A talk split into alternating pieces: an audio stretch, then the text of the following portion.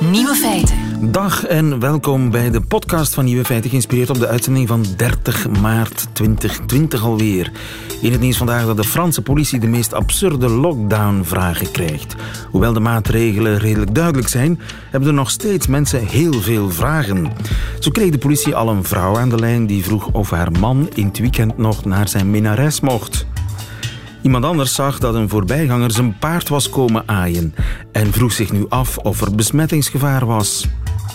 En nog iemand anders wilde weten of de politie ook tips had voor seks op afstand. Een politiecommissaris laat weten dat de lijnen de afgelopen twee weken roodgloeiend hebben gestaan. En dat mensen soms vooral gewoon nood hebben aan een babbel. Voilà, goed dat er politie is. De nieuwe feiten vandaag. In Mechelen vond de allereerste online rechtszitting plaats in de Belgische geschiedenis. De oorspronkelijke tekenaar van Asterix is overleden, Alex Visorek, brengt hulde. Het gevreesde virus heeft onze gesprekken ook besmet met een ongeziene stroom aan taalclichés. En overmorgen is het verhuisdag in Zwitserland. Hoe moet dat met corona? De nieuwe feiten van Nico Dijkshoorn krijgt u in zijn middagjournaal. Veel plezier. Nieuwe feiten. In Mechelen heeft zojuist de eerste online rechtszaak in de Belgische geschiedenis plaatsgevonden. Goedemiddag, Theo Bijl. Ja, goedemiddag. U bent voorzitter van de rechtbank in Mechelen. Om uh, wat voor zaak ging het? Er zijn twee zaken die vandaag behandeld zijn, twee correctionele zaken. De eerste zaak was een zaak met uh, drie beklaagden die verdacht werden of beklaagd werden van uh, winkeldiefstallen. En een tweede zaak was een verzet uh, dat werd behandeld van iemand die in gevolge een uitspraak van onze rechtbank in de gevangenis was beland, maar verzet had aangetekend tegen die uitspraak. En dat wordt aanzien als een dringende zaak. En ook die zaak is via onze videolink behandeld. En dat waren dus twee correctionele zaken. En de verdachten, zeg maar, die zaten in de gevangenis? Wel, het is zo dat er een samenwerking is opgezet samen met het gevangeniswezen en dan meer in het bijzonder de directeur van de gevangenis in Mechelen. En uh, zij hebben op ons initiatief uh, zelf initiatief genomen om een lokaal ter beschikking te stellen. Zij hebben ook een, een laptop met de nodige connecties via het internet uh, ter beschikking gesteld. En op die manier kunnen wij inderdaad vanuit de zittingszaal dan contact leggen met de gevangenis en in deze concrete zaken met de beklaagden die dienen te verschijnen voor de rechter. Ja, dus de beklaagden moesten verschijnen voor de rechter. En in deze coronatijden zijn heel veel zaken uitgesteld omdat uh, beklaagden die in de gevangenis zitten daar niet weg kunnen. Wel, in het algemeen is de, de richtlijn, dwingende richtlijn van het college van hoven en rechtbanken dat enkel dringende zaken kunnen behandeld worden. Zaken met uh, aangehoudenen of uh, mensen die in detentie zitten, zijn zaken die daaronder vallen. Het enige probleem is dat er een risico is in de gevangenis zelf, wanneer men mensen begint te transporteren en met de buitenwereld tussen aanhalingstekens in contact brengt. men wil dat zo beperkt mogelijk houden, daarom is het aantal overbrengen vanuit de gevangenis quasi nihil naar onze rechtbank op dit ogenblik. Een ander probleem is dat ook de mensen die de overbrenging moeten doen, zelf een risico bij die uh, transporten lopen. Vandaar dat het eigenlijk uh, quasi zelden was dat mensen nog verschenen voor de rechter, het zij in de raadkamer, het zij de correctionele rechtbank. En het is door die videolink nu te gebruiken, een, een, applicatie die ons ter beschikking is gesteld door de FOD Justitie, door dat nu concreet te gebruiken in de zittingszaal, dat wij dachten, dachten op die manier toch wel een bepaalde rechten waar mensen geen gebruik meer van konden maken of geen aanspraak meer op hadden of wat het verhinderd was, hebben wij geprobeerd op die manier een antwoord op te bieden, zodat zij toch nog uh, hun zaak kunnen volgen enerzijds, maar anderzijds ook uh, de rechter hen nog kan bevragen uh, naar bepaalde omstandigheden waarin bepaalde feiten zouden gebeurd zijn. Ja, en hoe hadden jullie dat anders gedaan? Waren in andere omstandigheden die zittingen gewoon doorgegaan zonder de beklaagde, alleen met de advocaat? Dat is inderdaad juist. Dus nu het over een dringende zaak gaat, uh, vragen wij aan de advocaten in strafzaken om uh, hun cliënt, die dan zelf in de gevangenis verblijft, te vertegenwoordigen. Dus de advocaten behandelen de zaak in afwezigheid van hun cliënt. Uh, wat, en kan me dat ook voorstellen, voor iemand die zich dan op dat ogenblik in die problematische situatie bevindt en verdacht wordt van toch wel relatief ernstige feiten, dat het toch niet echt een optimale manier is om zijn rechten te verdedigen. En eigenlijk zo iemand toch moet kunnen horen dat zijn zaak op welke wijze dat die zaak wordt behandeld en zelf toch even nog toelichting kan geven indien hij dat wenst aan de rechter. Ja. En het is vlot verlopen? Wel, wij hebben de nodige testen gedaan zaterdag. Dus wij wisten al sinds de zaterdag, uh, we hebben dat gedaan in samenspraak met de gevangenis hier in Mechelen. Dus sinds zaterdag wisten wij dat het technisch in orde was. Vandaag wouden wij die twee zaken gebruiken om op praktisch aspect hier en het verloop hier verder uit te proberen. Het is in een eerste instantie een beetje zoeken geweest naar het geluid. Dat, blijkt, of dat bleek in het begin het grootste probleem te zijn. Maar al bij al denk ik dat iedereen het over eens is dat dit een enorme meerwaarde is voor het behandelen van strafzaken. En dat het uh, wat vandaag betreft die twee zaken op een heel vlotte manier zijn verlopen. Maar zou je dat niet kunnen uitbreiden? Bijvoorbeeld de advocaat zit ook gewoon in zijn kantoor. Uitbreiden naar, naar burgerlijke zaken, naar familierechtbanken. Dat zou toch allemaal veel vlotter en efficiënter kunnen gebeuren online, de hele magistratuur bijna. Wel, ik hoor het u een beetje op een kritische manier vragen en uh, ervan uitgaande alsof dit nog uh, niet in gang zou gezet uh, zijn. Ik moet u daarin ontgoochelen, want op dit ogenblik zijn zowel op het vlak van burgerlijke zaken als op het vlak van jeugd en dan ook nog verder raadkamer en correctioneel verschillende mensen bezig om dit verder uit te rollen en de concrete praktische werkwijze op, op, op punt te stellen. Dus ook op burgerlijk vlak willen wij daarmee doorgaan.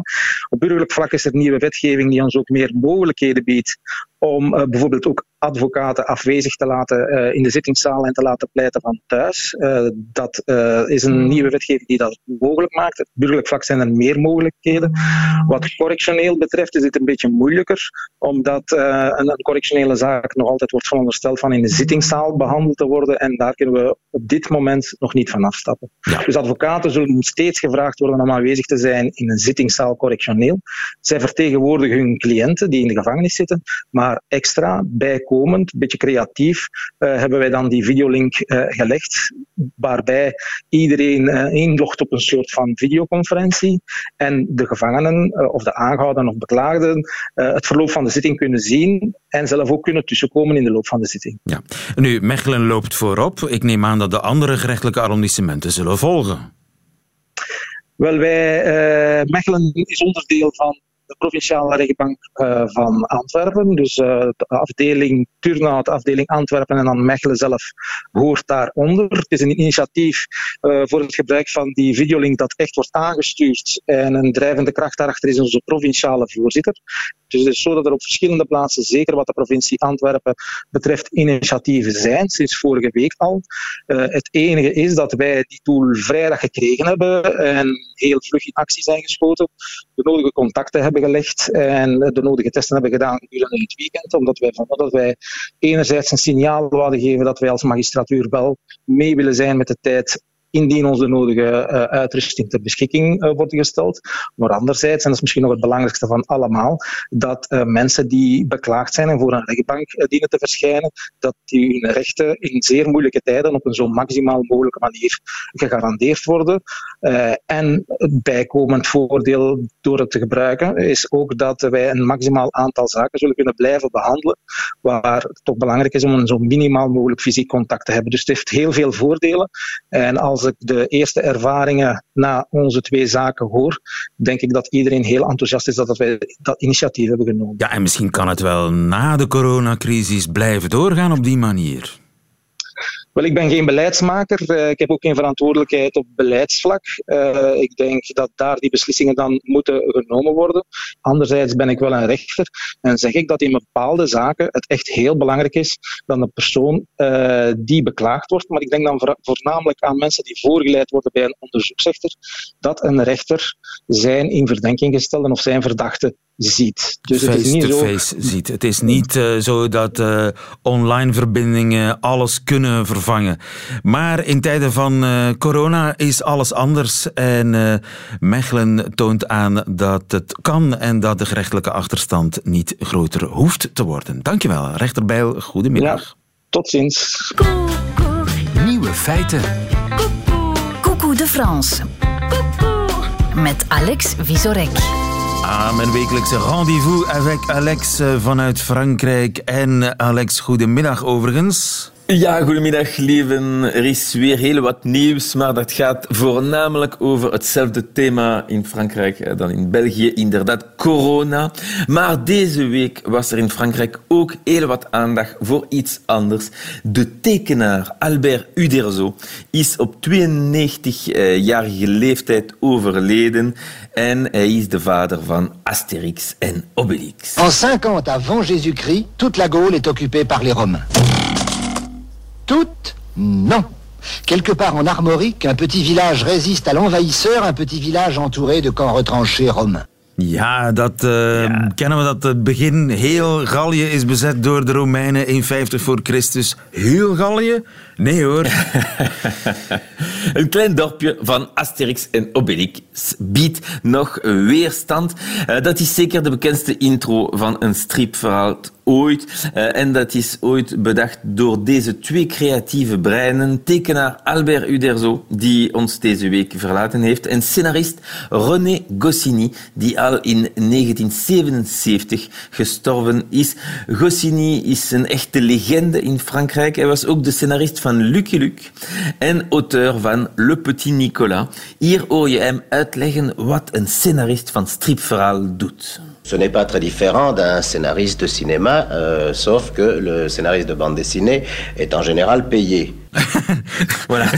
er is geen verschil tussen een tekenaar nee. en een filmscenarist, alleen de tekenaar wordt betaald. Ja, dat was het. Il faut pas se gêner, ça fait beaucoup d'argent.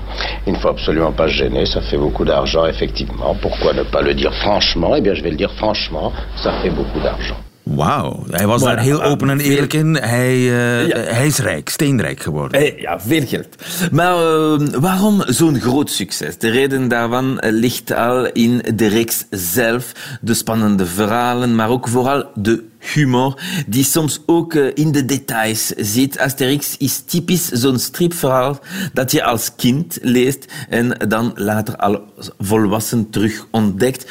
Ooit werd er aan Goscinny en Uderzo gevraagd wie van hen twee het vooral te danken was dat Asterix zo'n succes werd.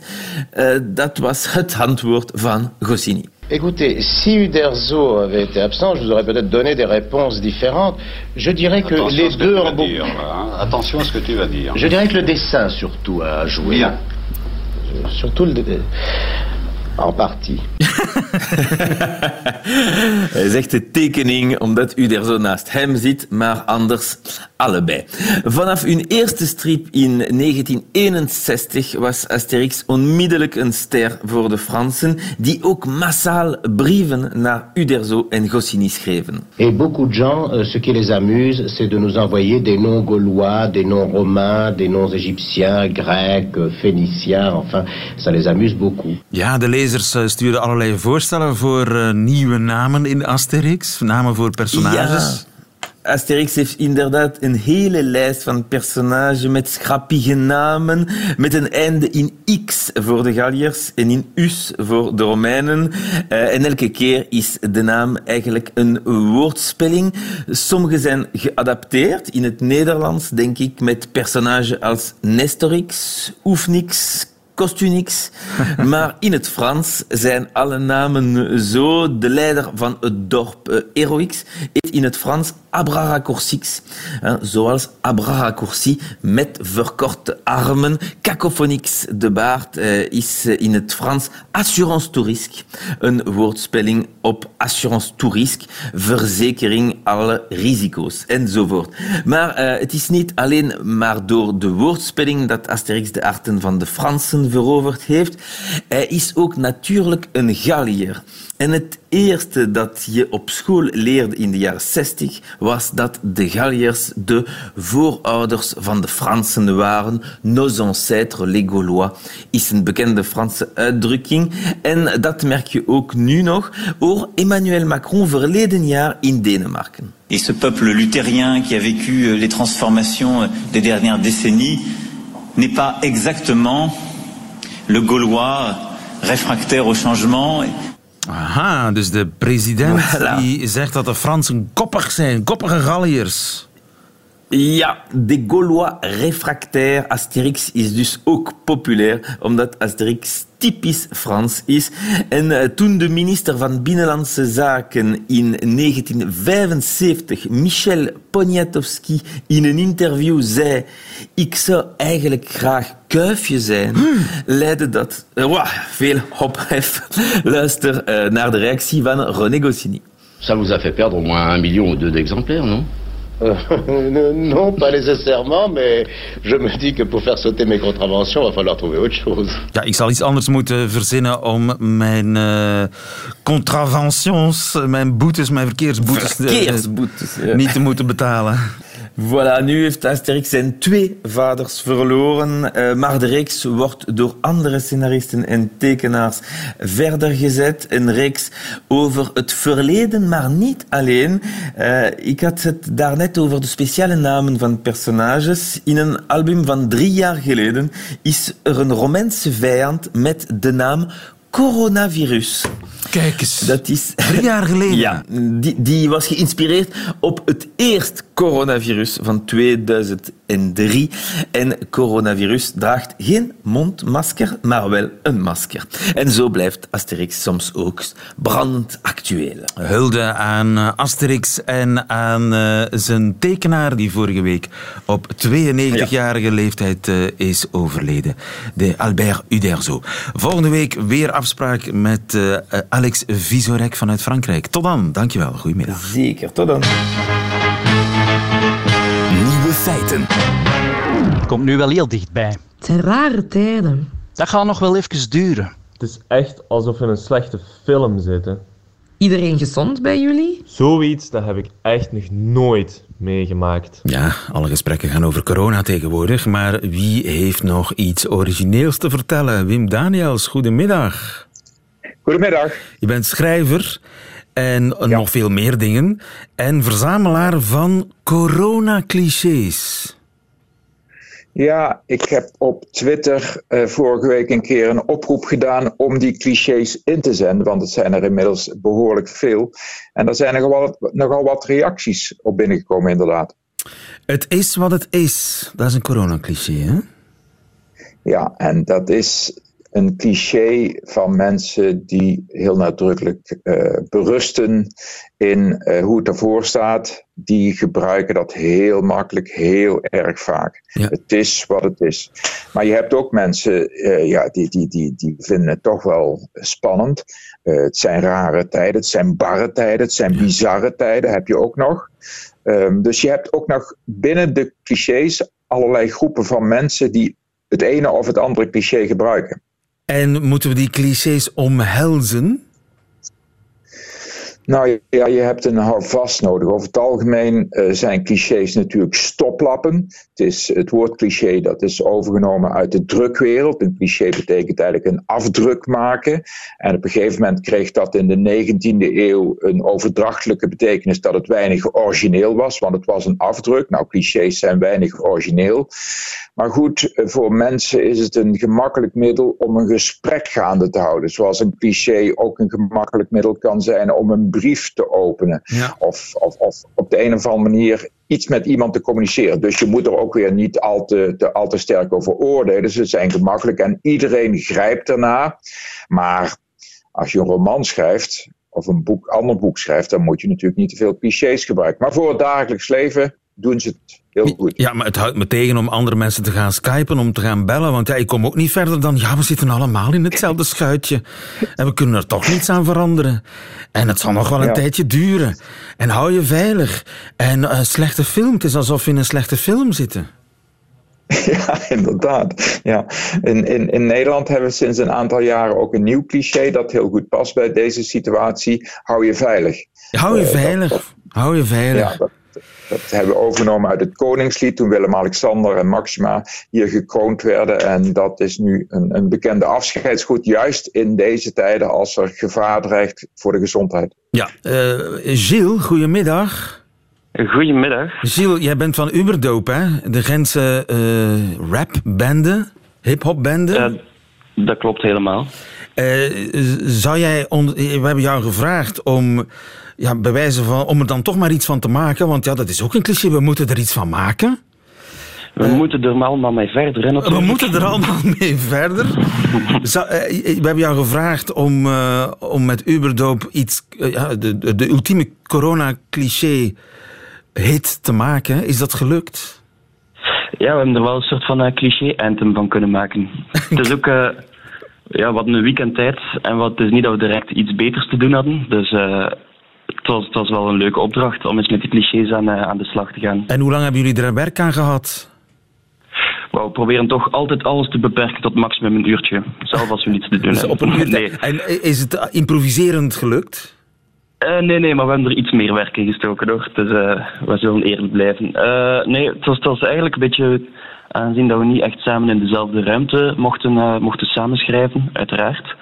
Was dat niet super evident, maar we hebben dan wel eh, via Skype alles goed kunnen oplossen. En eigenlijk een beetje gepingpongd met ideetjes en zo alles samen uitgewerkt. En eigenlijk, clichés eh, zijn tegelijkertijd totaal niet inspirerend, maar anderzijds ook wel enorm inspirerend om mee aan de slag te gaan. Ja, je kunt ze ook gebruiken. Clichés zijn ook handig. En hebben jullie ook eh, op verschillende plaatsen opgenomen?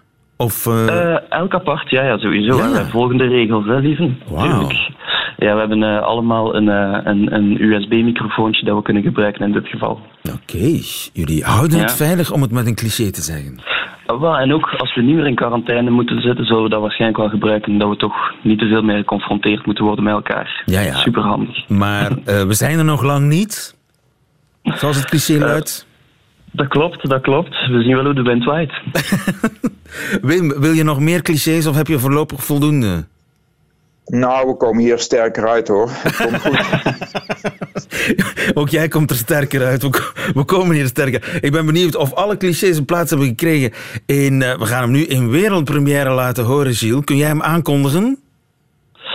En dan is hier het eh, cliché-anthem van de Gentse hip-hop-sensatie. Het komt wel goed.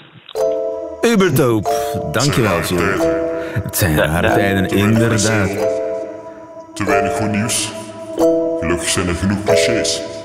Elke dag drama te zien op de tv. Het is gelijk een slechte film. Doe er liever niet in mee. Het is zo'n saai verhaal dat het iedereen verveelt. Kan alleen maar Jan Verheijen zijn die dit regisseert. Het is surrealistisch. Ik snap dat je dat zegt. Normaal gezien verveelde jij je acht uur op je werk en staat het daar voor een paar uur in de file. Maar inderdaad, je hebt gelijk, dit is surrealisme. Het zijn barre tijden. Hoe durven wij te klagen? Mijn enige verplichting is rusten in mijn kamer. We zitten allemaal in hetzelfde schuitje. Oh ja, misschien moet het dak hier aan de vluchtelingen vragen.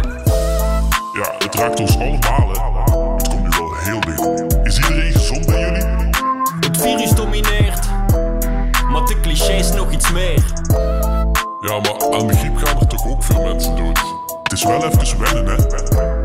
Ik zei het virus domineert, maar de clichés nog iets meer. Het wordt door iedereen gezegd. Dat mag ook al niet meer. Met uw fiets over de grens. Dat mag ook al niet meer. Ain't no party like a lockdown party. Uw cliënteel besmetten. Dat mag ook al niet meer. Nee.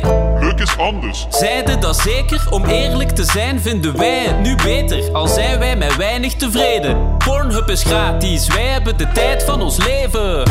We kunnen er toch niets aan veranderen. Jawel, bijvoorbeeld door niet hand in hand te wandelen. Thuis te doen alsof je werkt als alle anderen. Of je handen wassen achter al het hamsteren. We gaan hier allemaal sterker uitkomen. Zijn er nog niet hoor. Dood moeten we toch. Het virus domineert, maar de clichés nog iets meer. Al wat we nu kunnen doen is afwachten. Komt goed, waait wel over. Ja, het virus domineert, maar de clichés nog iets meer.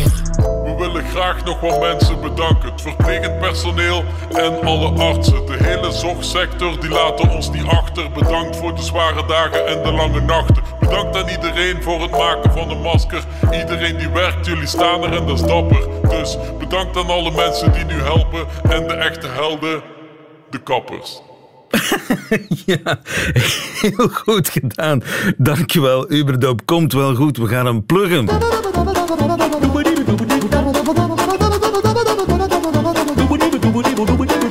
Nieuwe feiten. Niet simpel om deze dagen in tijden van corona te verhuizen. Je mag maar één iemand optrommelen Of je moet verplicht een verhuisfirma inschakelen, maar die zijn bijna allemaal dicht.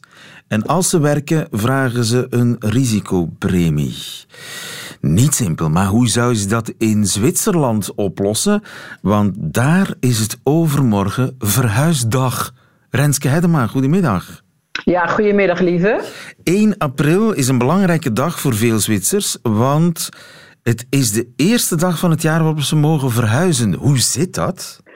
Ja, dat, dat uh, verschilt per kanton. Maar in de meeste kantons, in verreweg de meeste, is uh, 31 maart, 1 april is de nationale verhuisdag.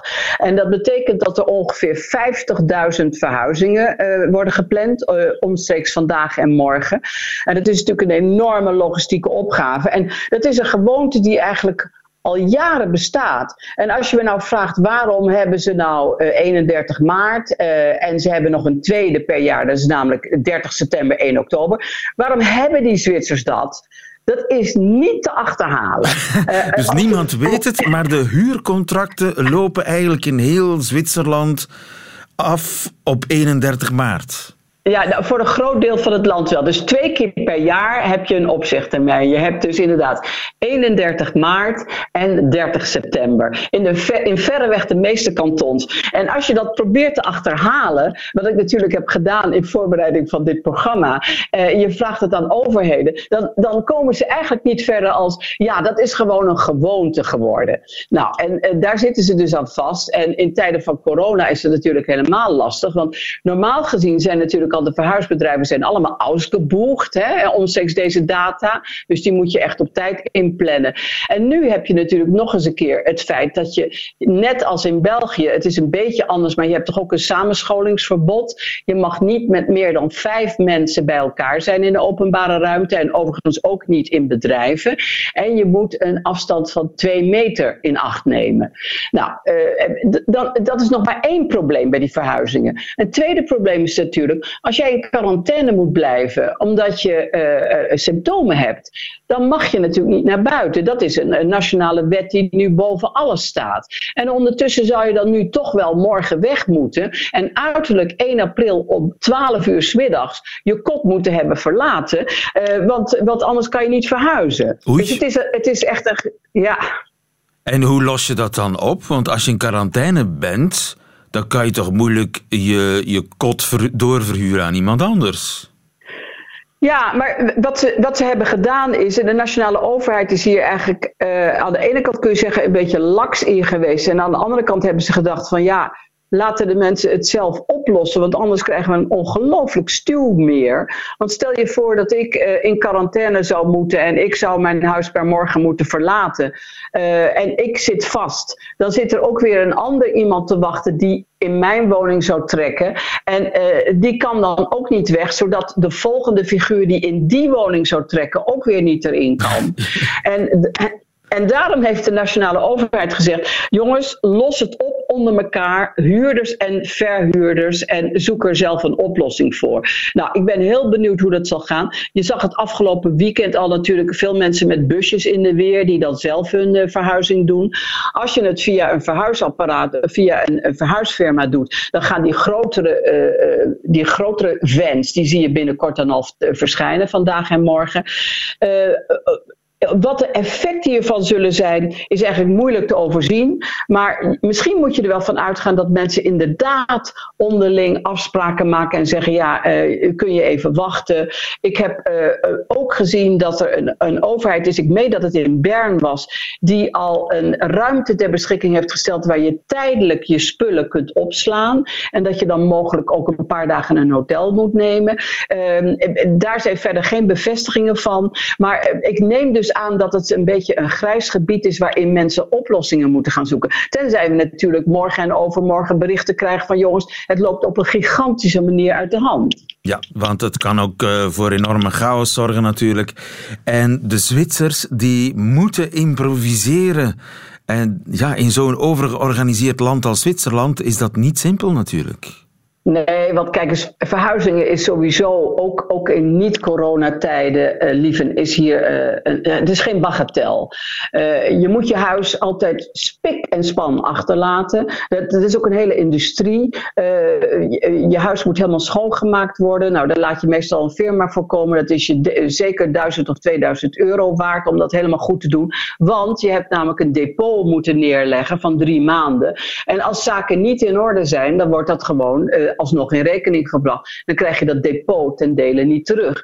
Dus het is inderdaad, zoals je zegt, een totale punctuele uh, affaire. Gaat je in de muur uh, achterlaten waar ooit een schilderij hing? Dat kan niet. Nee, dat moet je natuurlijk dicht. Uh, dat moet helemaal ge, ge, geregeld worden. Als jij dat zelf niet doet, het zij met tandpasta, het zij op een andere manier. Maar als jij dat niet keurig doet, dan uh, laten zij een firma komen. Dus de, de mensen die jouw woning beheren. En zeggen: Nou, mevrouw Hedema, uh, we hebben gezien dat, dat er nog verschillende dingen moesten gebeuren. Wij hebben dat door een firma laten oplossen. En hier is de rekening. Dat gaat af van je depot. Dus um, het, het, is, het is ook een huurmarkt hier. Hè? De meeste meeste Zwitsers huren. In tegenstelling tot, tot Nederland bijvoorbeeld. Ik ken de cijfers in België niet. Oh, maar hier nog, zijn minder... nog veel meer huiseigenaren dan in Nederland uh, in België. Ja, nou minder die indruk had ik al. Maar ja, nou en hier, dit is een huurdersmarkt. De meeste mensen hebben geen eigen huis. Dus er wordt vreselijk veel verhuisd. Dus ook die hele, uh, dat hele instrumentarium rond verhuizen, uh, dat, is, dat is tamelijk in de perfectie doorgevoerd. Dus al met al die schoonmaakfirma's en die depots en ook de eisen die daar gesteld worden.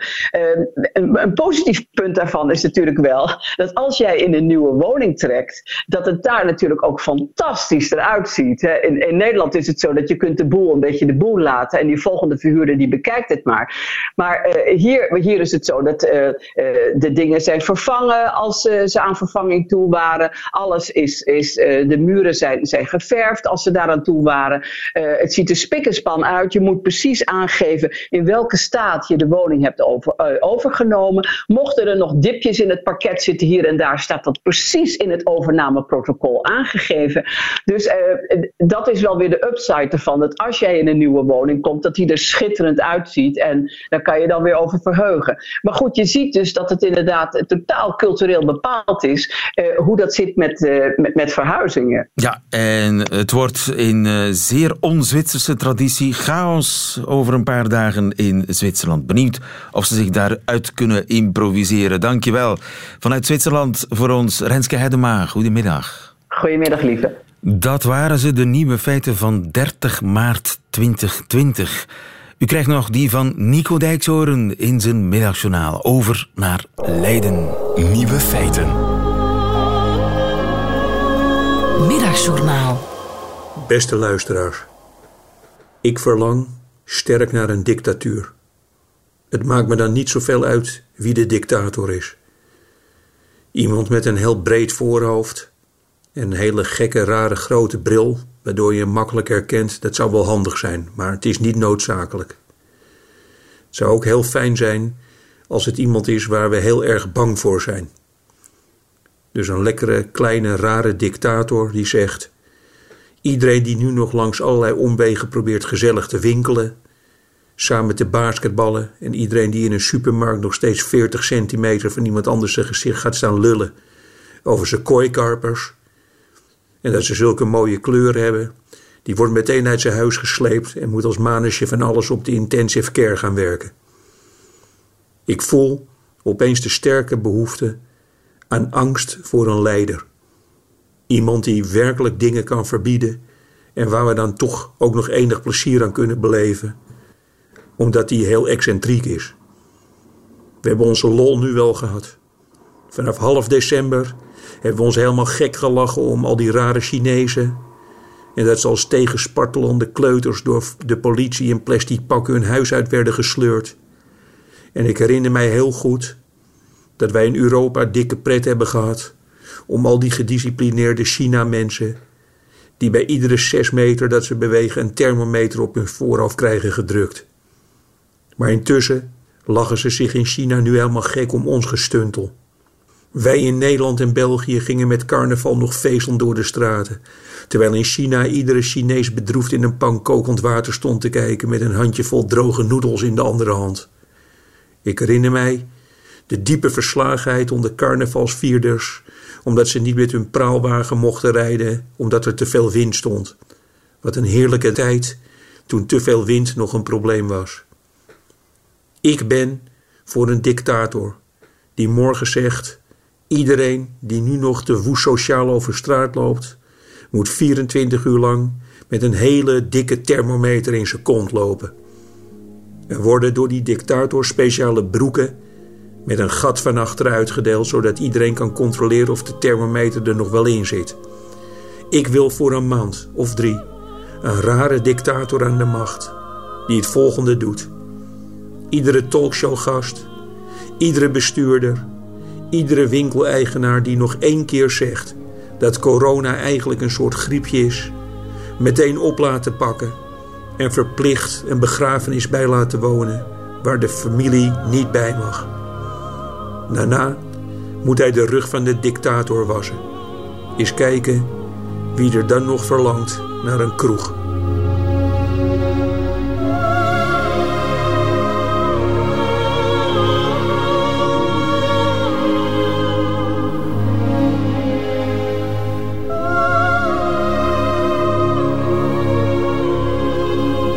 De verzuchting van Nico Dijkshoorn. Einde van deze podcast. Hoort u liever de volledige uitzending met de muziek erbij? Dat kan natuurlijk ook via onze app of via onze site. En daar vindt u nog veel meer fijne podcasts. Tot een volgende keer.